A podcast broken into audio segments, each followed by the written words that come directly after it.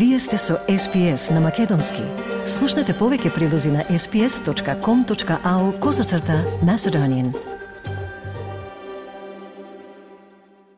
Во денешниот билтен Вести, пензиските фондови може да представуваат решение за финансирање на нега на стари лица, според нов предлог доставен до владата. Две истраги ќе испитаат одлуката на владата на Викторија да не ги одржува игрите на Комонвелтот во 2026 година со пораки за единство и обединување, но и обвинувања за договарање и распад на македонскиот идентитет. Во Македонија беше одбележена 120 годишнината од почетокот на Илинденското востание. И човекот одговорен за смртта на 11 верници во синагога во Сад ќе се соочи со смртна казна. Останете со нас на СПС на Македонски следуваат вестите за 3 август. Јас сум Ана Коталеска.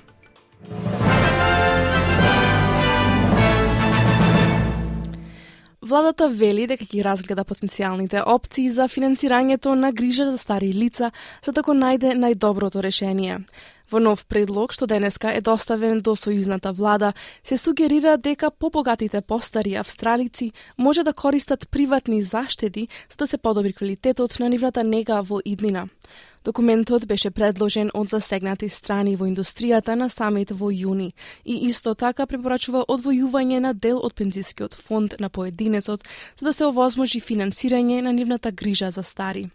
Помошник министерот на премиерот Патрик Гормен изјави за Sky News дека работната група за нега на стари лица ќе ги процени сите можни опции за да се финансира подобра грижа за стари лица. We want to make sure that when it comes to aging that there is a good sustainable aged care system there for those who need it now and for those who'll need it in the future. Uh, that's the reason that uh, Minister Wells and the Albanese government set up the aged care task force to look at all of the coming pressures that are coming down in our aged care system. Uh, we didn't want to wait, uh, as we saw in the past, where you wait for a royal commission to tell you what's not working. We wanted to get ahead of things Премиерот на Нофижен Велс Крис Минс вели дека министрите се одговорни да го следат Министерскиот кодекс по оставка на еден од неговите министри.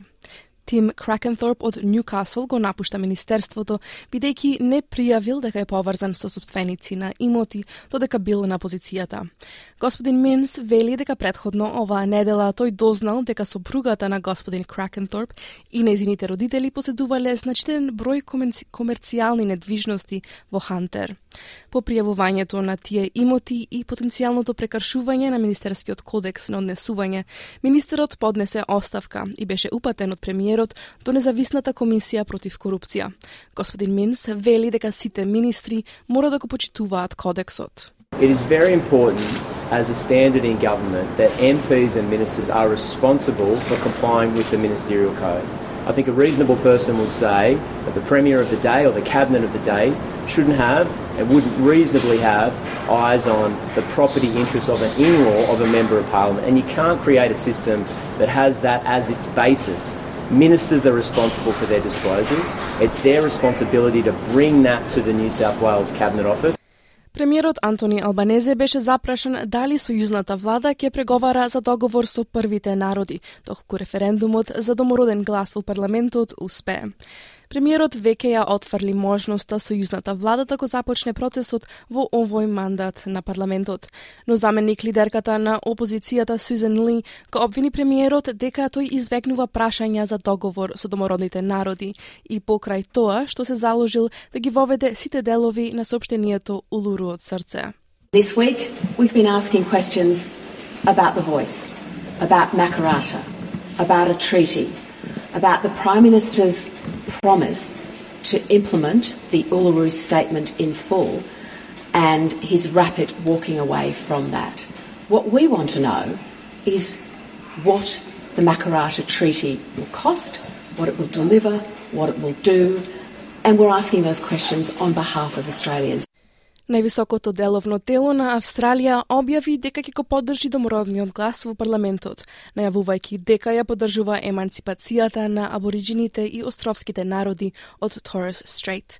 Деловниот совет на Австралија го објави својот став, како и податоци кои покажуваат дека неговите компании членки секоја година трошат повеќе од една милиарда долари на бизнеси во собственост на домородни луѓе. Советот, чи членови се BHP, Commonwealth Bank, Qantas и Woodside, со ова најава се придружува на низа заедници, верски и спортски организации кои ја даваат својата поддршка. Две истраги ќе ја испитаат одлуката на владата на Викторија да не ги одржува игрите на Комонвелтот во 2026 година. Собраниска комисија ќе го испита контроверзниот повик за отфрлање на настанот, откако предлогот на опозицијата беше едногласно поддржан во горниот дом на државата со 25 гласа за и 15 против.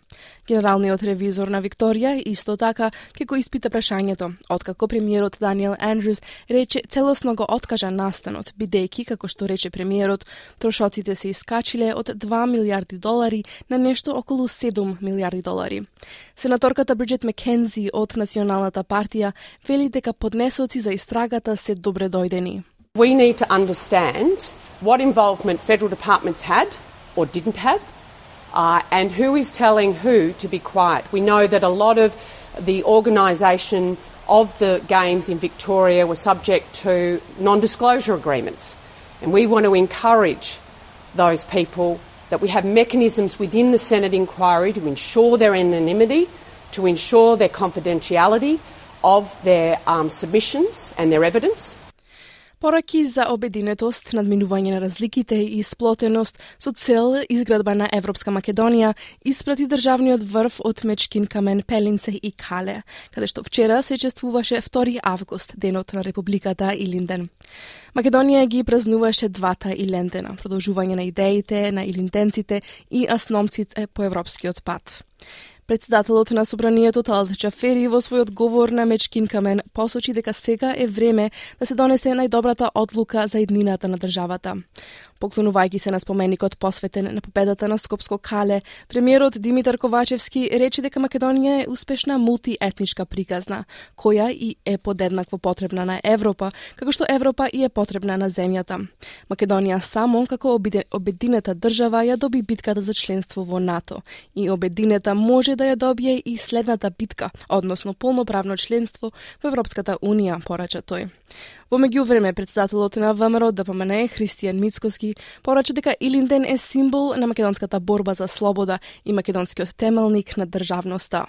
Знаете дека под маса договараат дополнително да го распродадат македонскиот субстрат и македонскиот идентитет за ден повеќе во фотелите и ден повеќе да можат да ја плячкаат и крадат Македонија но пораката за единство на македонскиот народ е преди над се и тоа е порака која што денеска ја упатуваме од овде од Мечкин камен.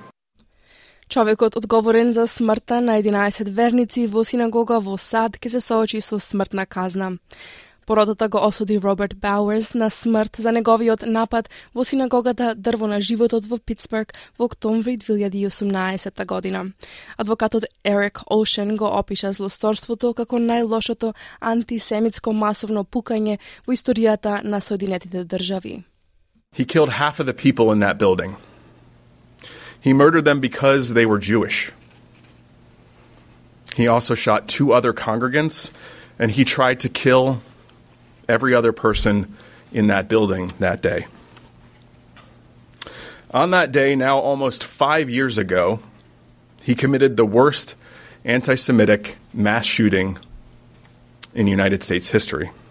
Поранешниот подпредседател на Соединетите Американски држави Майк Пенс зборуваше за последното обвинение против Доналд Трамп, повторувајќи дека поранешниот председател немал право да ги поништи изборните резултати.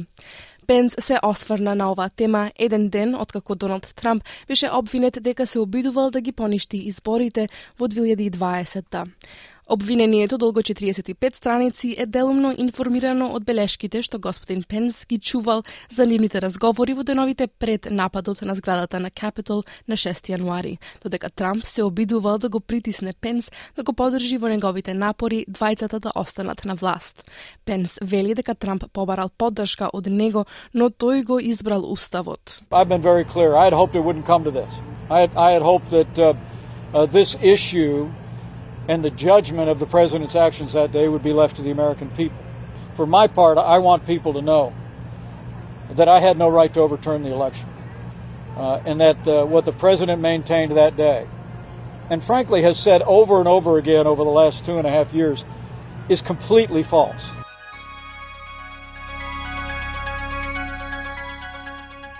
Од најновата курсна листа денеска еден австралиски долар се менува за 0,60 евра, 0,66 американски долари и 36,88 македонски денари. Додека еден американски долар се менува за 55,55 македонски денари, а едно евро за 61 македонски денар. И временската прогноза за главните градови за утре, 4 август во Перт, претежно сончево 16 степени. 19 се очекуваат за Аделаид со слаби повремени врнежи. Во Мелбурн ветробито со слаби повремени врнежи 19. Во Хобарт слаби повремени врнежи 17, 18 степени за Канбера делумно облачно. Во Сиднеј претежно сончево 23, 23 се очекуваат и за Бризбен делумно облачно. Во Дарвин делумно облачно 32 степени и во Алис Спрингс сончево Панчево 29 степени.